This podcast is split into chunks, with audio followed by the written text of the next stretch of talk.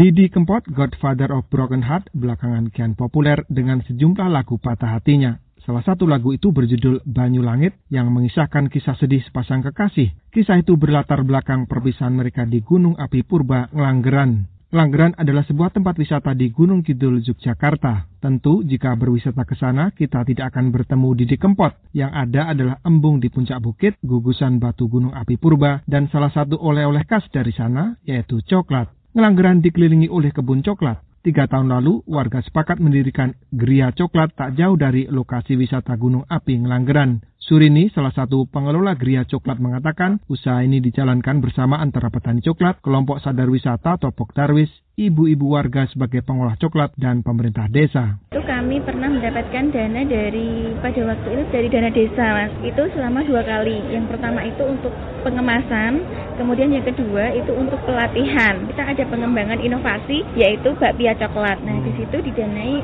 menggunakan dana desa.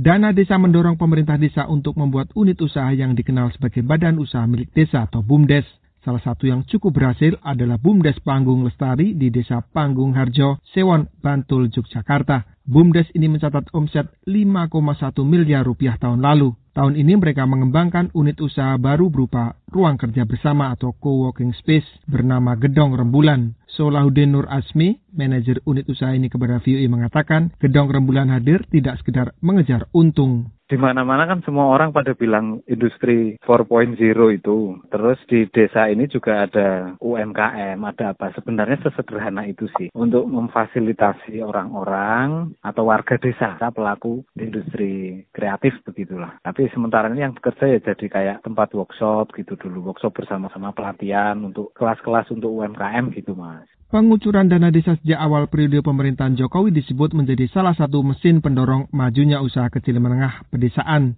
Menteri Desa, Pembangunan Daerah Tertinggal dan Transmigrasi, Eko Putro Sanjoyo bahkan mengklaim kemiskinan di desa turun drastis. Angka pengangguran di desa itu hanya separuhnya dari angka pengangguran di kota. Karena banyak sektor-sektor informal yang digerakkan oleh UKM itu mulai jalan dengan adanya aktivitas ekonomi di desa-desa akibat dari program dana desa ini. Pemerintah mencatat tahun lalu terjadi penurunan angka kemiskinan sebanyak 1,8 juta orang di Indonesia. Dari jumlah tersebut, penurunan di perkotaan tercatat 580 ribu orang dan di pedesaan mencapai 1,2 juta orang. Dari Yogyakarta, Nur Hadi melaporkan untuk VOA Washington.